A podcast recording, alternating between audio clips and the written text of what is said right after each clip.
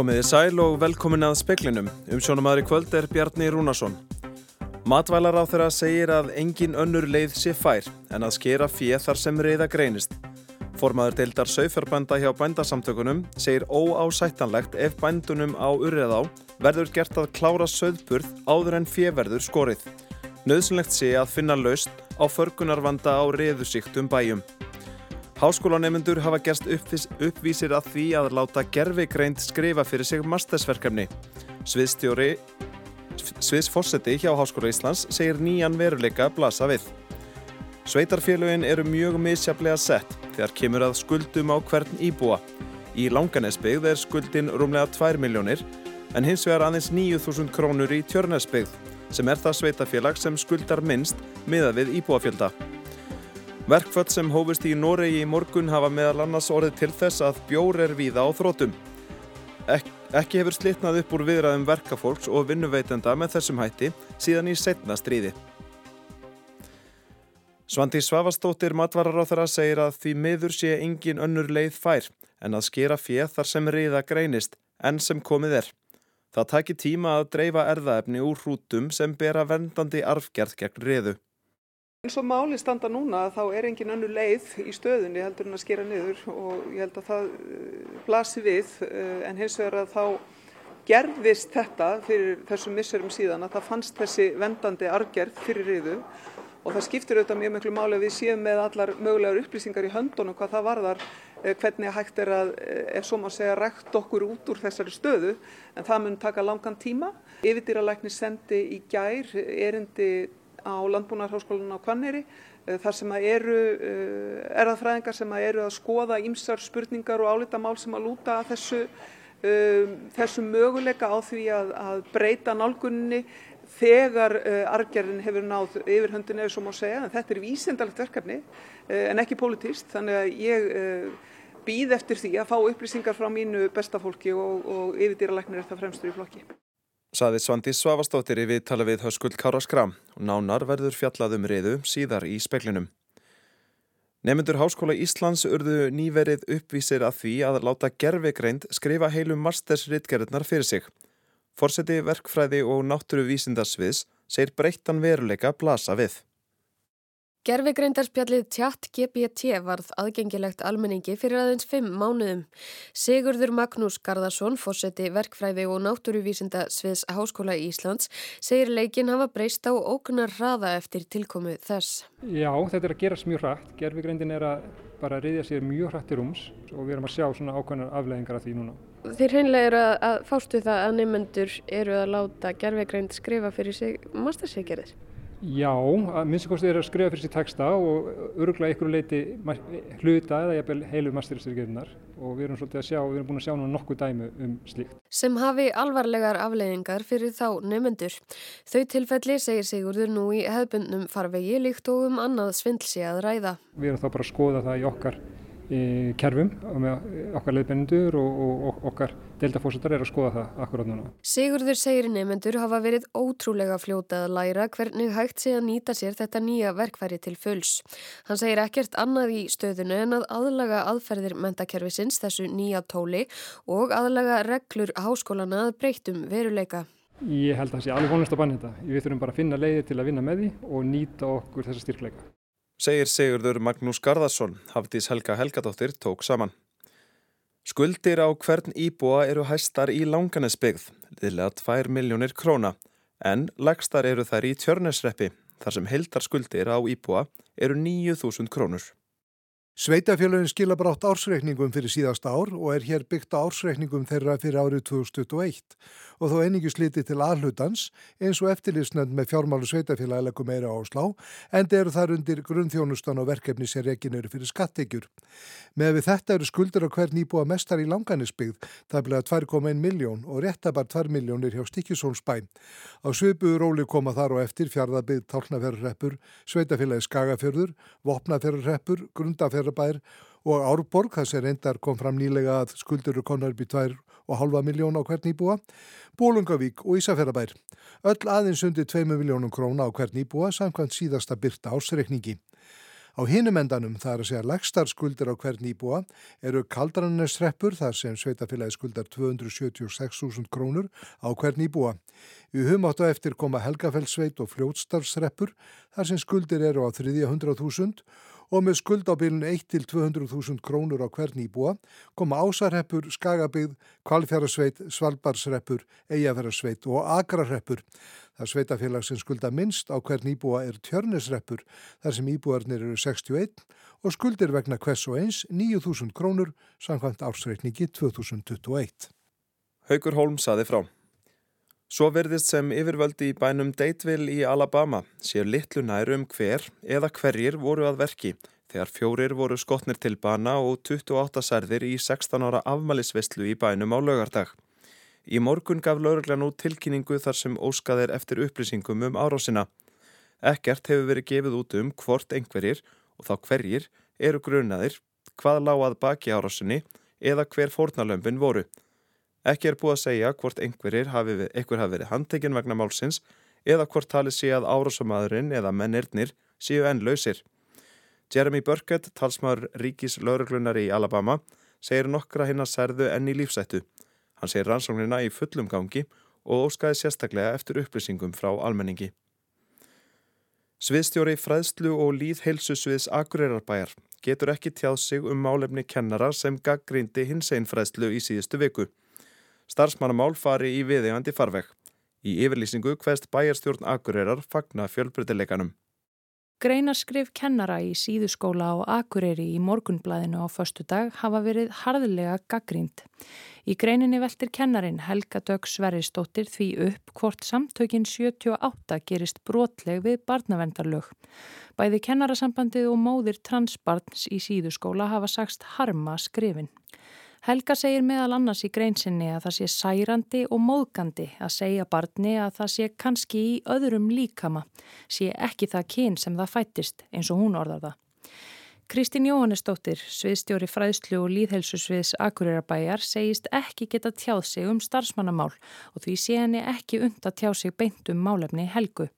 Að spurð hvort bærin aðhafist eitthvað í málum á borð við þetta segir hún að starfsmannamál þar sem til dæmis hafi verið kvartað yfir starfsmanni fari alltaf í viðigandi ferli með mannuðsviði og hlutaðigandi innan stjórnsíslunar.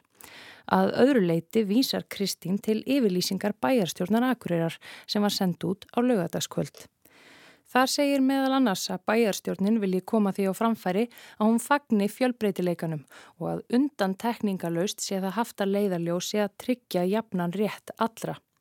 Að auki kemur fram að starfsfólki sveitafélagsins beri að halda mannréttindastefnu þess í heiðri í öllum sínum störfum. Gunnildur Keról Birgistóttir saði frá.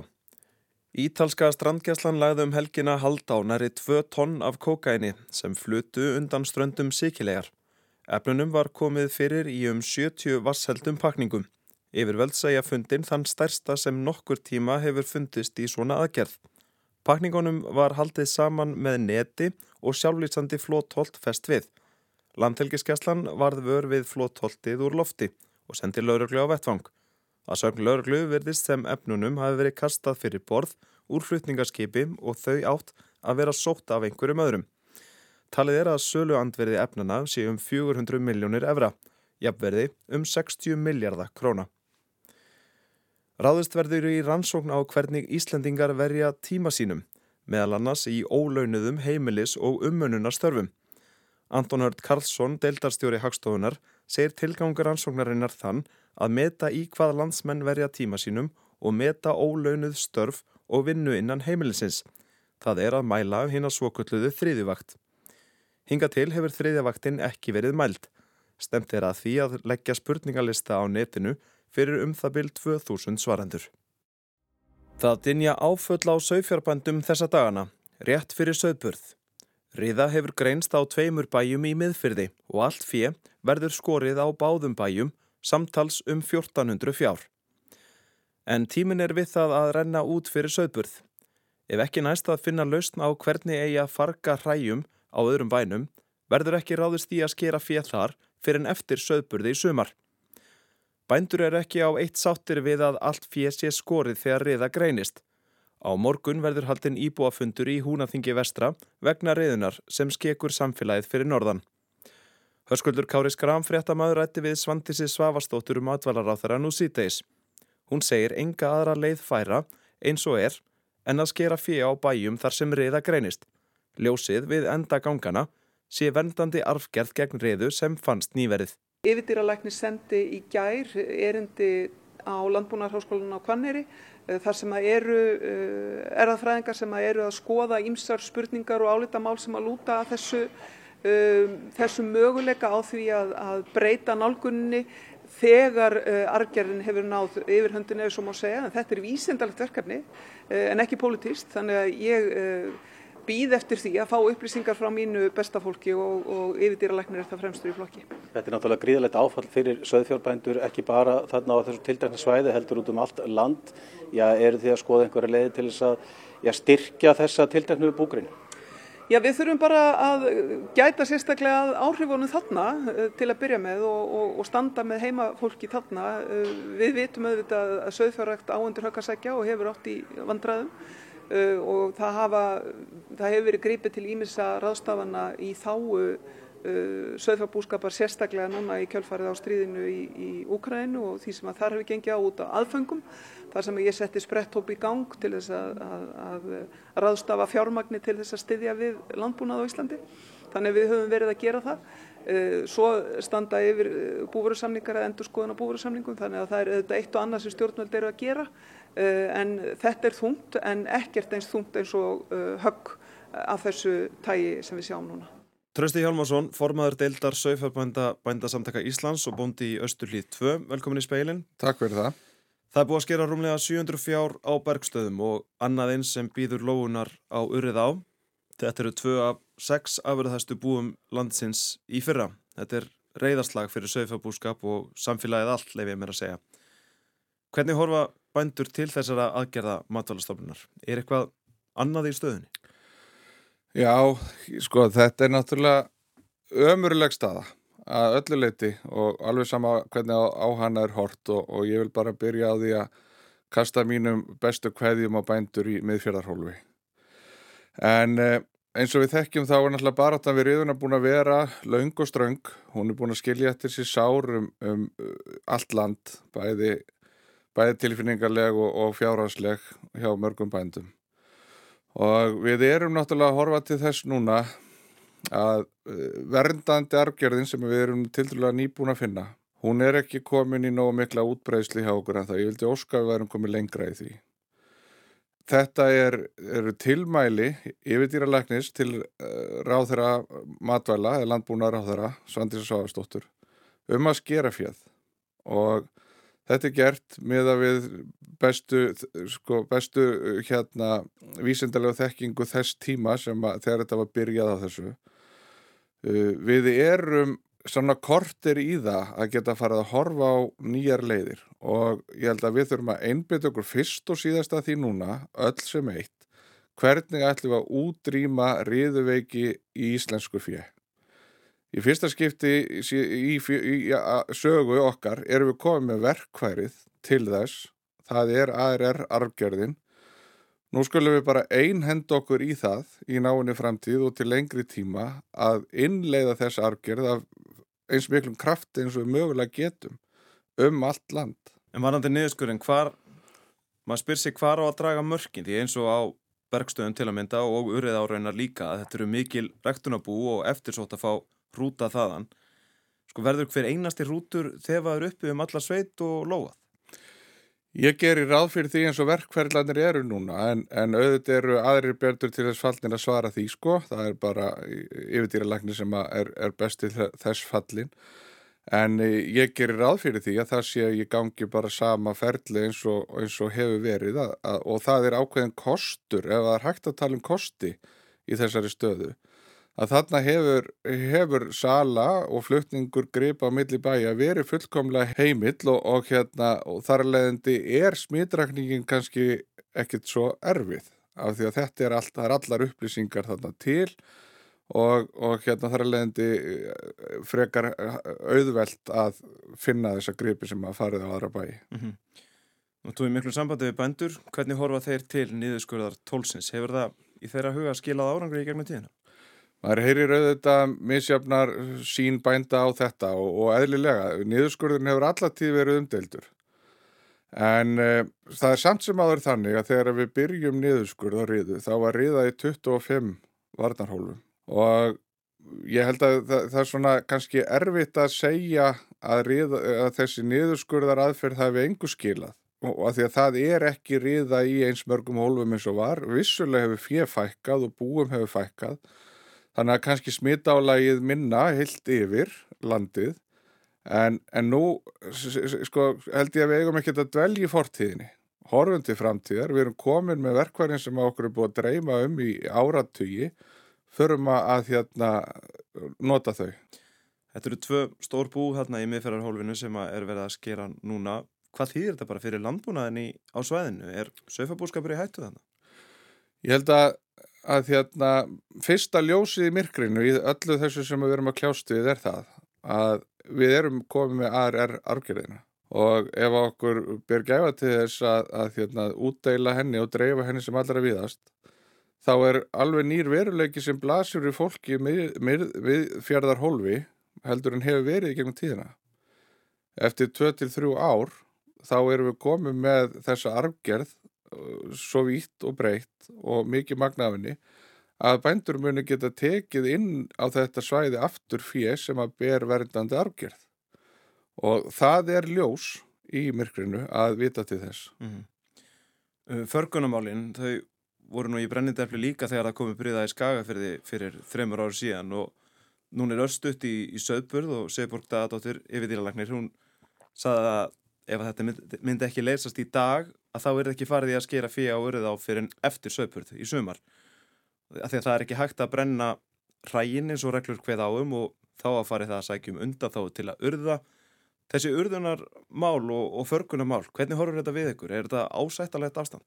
Það er náttúrulega sko algjörlega óásættanlegt ef að það á að setja fólkið að urða á í þá stöðu að það er búið að taka ákvörðunum að skera fjöð og segja svo við þau að þegar ég að klára söðburð og svo ég að skera það það er bara undir, ekki undir nokkrum kringustæðum hægt að fallast á þetta.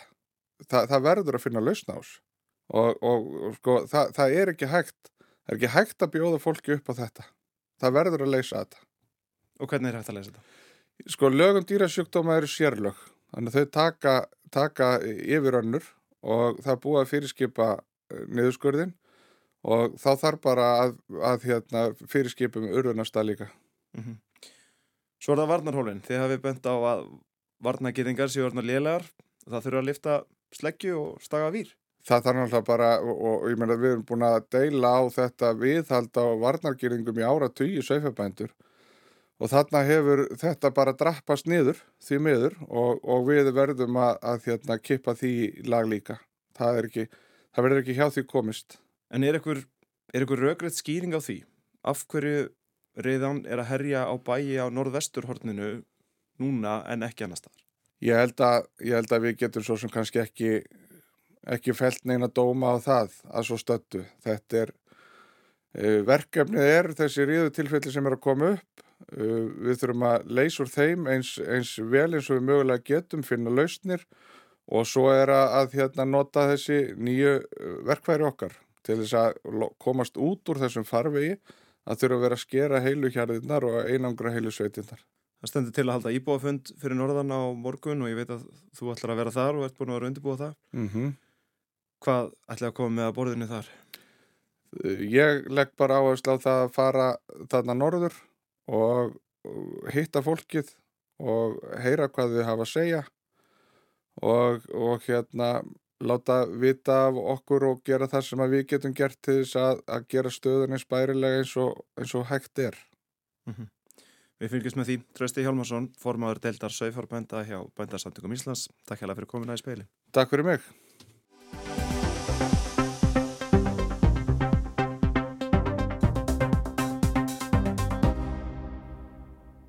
Ekkert lát er á bardugum stjórnarhersins í Sútan og RSF, herliðs uppreysnarmanna. Sangvað heimildum heilbriðis yfirvalda hafa þeir kostað um hundrað almennaborgara lífið, en fullvist er talið að þeir séu mun fleiri. Bardagar brutust út á laugardagsmorgun og hafa staðið linnulítið síðan. Ekki likur fyrir hver áttu upptökin en að sögn þeirra sem gerst þekka hafa átök leið í loftinu um nokkurt skeið. Abdul Fattah al-Buran, hersöfðingi, er aðisti yfirmaður stjórnarhersins og leðtói herfóningastjórnarinnar sem hefur stýrt sútan undan farin ár. Næstræðandi hans er stríðsherran Muhammad Hamadan Dagalo, yðurlega nefndur Hamedi. Hann fer fyrir RSF uppreysnarhernum vel þjálfuðu 100.000 manna herliði sem talið er að geti vel staðið upp í hárinu á stjórnarhernum sem í eru um 220.000 hermenn. Í grundvallara treðum snúast bardagarnir um hver eigi að stýra landinu og koma á borgaralegri stjórn í fyllingu tímans. Fram hefur komið í fréttum að Hamidi eh, sé afar ósáttur við þá fyrirætlan að gera RSF herliðið hluta af stjórnarhernum. RSF var til upp úr Janavit sérsveitinni sem Ómar al-Basir, þáverandi leitu í Sútans, stopnaði á árunum eftir aldamót til að berjast gegn uppreisnarhópum í Darfur hér að því. Al-Basir stopnaði nokkrar klíkar en Janavit sveitin þótti svo ylliramdasta. Liðsmennennar, aðalega arabar, beittu heimamenn í héræðinu skefjalösu ofbeldi, mandrápum og nöðgunum. Sútan hefur ekki farið varhluta af ófríði undan farna áratugi.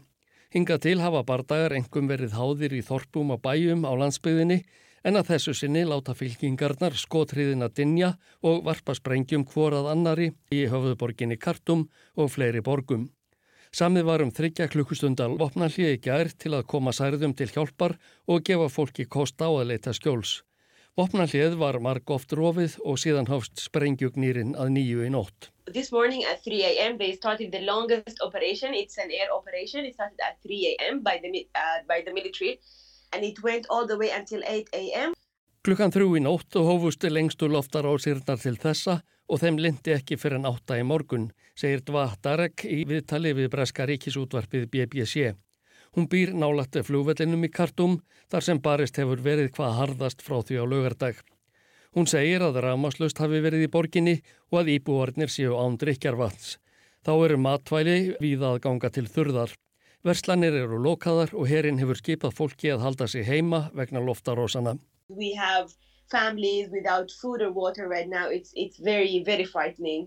Ástandið er slæmt víðar í Sútan en í höfuðborginni, til dæmis í Næla í söður hluta Darfur héras.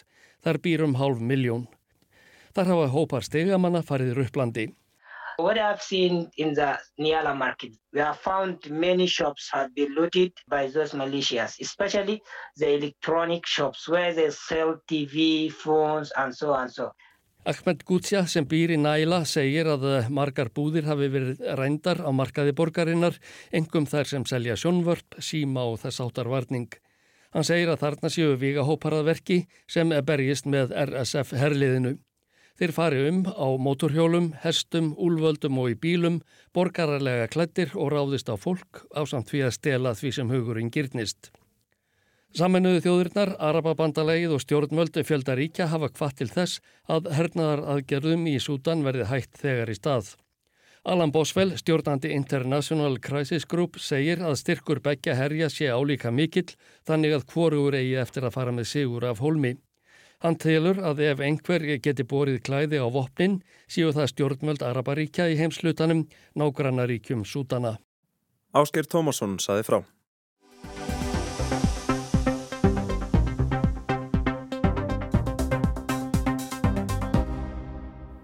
Bjór er á þrótum í Noregi þegar á fyrsta degi verkfalls. Starfsfólk brugghúsa auk fjölda annara greina í yðnað og þjónustu laði niður vinnu í morgun. Verkfallið kom öllum á óvart en það ekki slitnað upp úr viðræðum verkafólks og vinnuveitanda með þessum hætti frá því að síðari heimstyrjaldin lög. Gísli Kristjánsson í Noregi tekur nú við. Þjóðarsátt hefur ríkt á vinnumarkaði Noregi frá því lok kreppunar miklu þegar verkaliðurinn tók völdin árið 1935. Síðan hefur verið sátt um að rekna út hvað er til skiptana, verkaliðurinn gætir hofs í kröfum og vinnuveitendur mótmæl ekki kröfunum. Ríkisáttasemjari byrjar á að leggja fram miðlunartillögu sem allir eru sammálu um að sé sangjörn, ritaður undir það plagg báðum megin við samningaborðið og allir fara sáttir heim. En ekki núna. Reglan hefur verið að endur skoða kjara samning á miðju tímabili og aldrei eftir að heimstyrjöldinni laug, þar að segja síðar í heimstyrjöld, hefur miðluna til að sáttasemjara mætt andstöðum. Hann lagði því heiklust fram tillögu sína að teknu tilliti til verðbolgu og verðmætasköpunar í atvinnilífinu, eins og alltaf.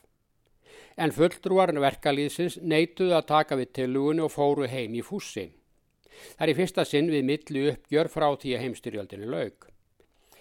Beggi Hessen Fölsvík, fórseti Norska Alþjóðsambandsins, segir að í tillögunni hafi verið falin gildra sem þýtti að kaupmáttur myndi ekki haldast í aft fyrir alla.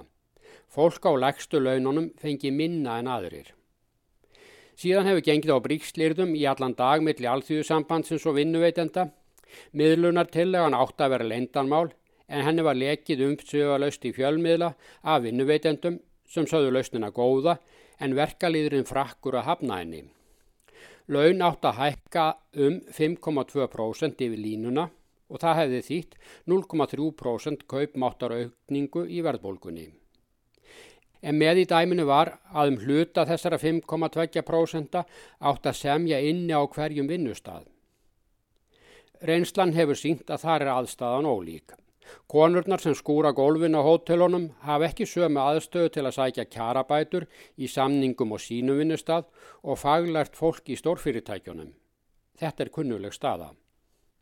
Því gengur fulltrúar alþjóðu sambandsins út og verkvall skall á. Það kom flestum á óvart. Í fyrstu er um 25.000 manns í verkvalli. Vinnustöðvunin snertir margar greinar þjónustu og yðnaðar og var sínileg við bjórkælana í matvöruverslununum nú þegar í morgun. Starfsfólki í brugghúsum og góstrykjaversmiðum var fyrst til að leggja niður störf. Þar með hófu öllþistir landsmenn að hamstra öll og hillurnar tæmdust þegar við opnun. Veitingamenn hröðuðu sér að afgreifslum brugghúsana til að tryggja sér byrðir af bjór til næstu daga annars verða vertarnir að skrúa fyrir ölkranana. En verkvallin er líka til starfsfólk á ferjum sem eru fjölmarkar vestanlands og norðan. Fólk er háð ferjónum til að komast í vinnu og eða í skóla og vöruflutningar stöðvast. Þessa fer fljótt að gæta í mörgum byggðum og hefur alvarlegri afleiðingar en skortur og ölu og gósi. Já og núna er starfsfólk í sukulæði vestmjónum líka farið heim. Þessu til viðbótar nær verkvall til starfsfólk í yðnaði. Oljuvinslan stöðvast ekki strax en ímis vinna við viðhald og endurbætur leikur niðri. Ef verkvall stendur lengi verður að skrúa fyrir oljukranana eins og ölströyminn. Starfsfólk á fiskistofu er sumt í verkvalli líka og þá er viðbúð að hæga gengur verði á að telja þoskana á færiböndunum. Allt hefur þetta vaksandi áhrif á þjóðlífið nema samkómulag náist bráðlega. Baráttu viljin er saður góður. Undanfarið hafa borist fréttir af feitum bónusum hjá stjórnendum bæði í engafyrirtækjum og hjá hennu opimbera. Nó er til af peningum. Ríkir menn flytja til Sviss að sleppa við skatta en almúanum er sagt að spara til að hemja verðbólgu og vexti. En svo staðan er núna gæti þetta orðið langt verkvall. Lítum þá til veðurs. Sunnan og suðaustanátt víða á bilinu 8 til 13 metrar á sekundu væta með köplum sunnan og vestanlands en úrkomi lítið á norður og austurlandi og stundum bjart á þeim slóðum. Hiti 7-14 stig hlýjast á norð-austanverðu landinu. Helstar það í speklunum í kvöld að matvalar segir að engin önnur leið sé fær en að skera fjeð þar sem reyða greinist. Formaður deildar sögfarbænda hjá bændasamtökum Íslands segir óásættalegt ef bændum á urðá verður gert að klára söðburð áður en fjeð verður skorið. Háskólaneymyndur hafa gerst uppvísir að því að láta gerfigreind skrifa fyrir sig mastersverkefni. Sviðsforseti hjá Háskóla Íslands segir nýjan veruleika að blasa við. Sveitafélagin eru mjög misjaflega sett þegar kemur að skuldum á hvern íbúa. Í langanes byggð er skuldin rúmlega 2 miljónir en hins vegar aðeins 9.000 krónur í tjörnesbyggð sem er það sveitafélag sem skuldar minnst miða við íbúa fjölda. Fleira er ekki í speklunum í kvöld. Tæknimaður var Magnús Þorstein Magnússon, frétta átsendingu stjórnaði Margret Júlia Ingimarsdóttir. Njóti kvöldsins og veriði sæl.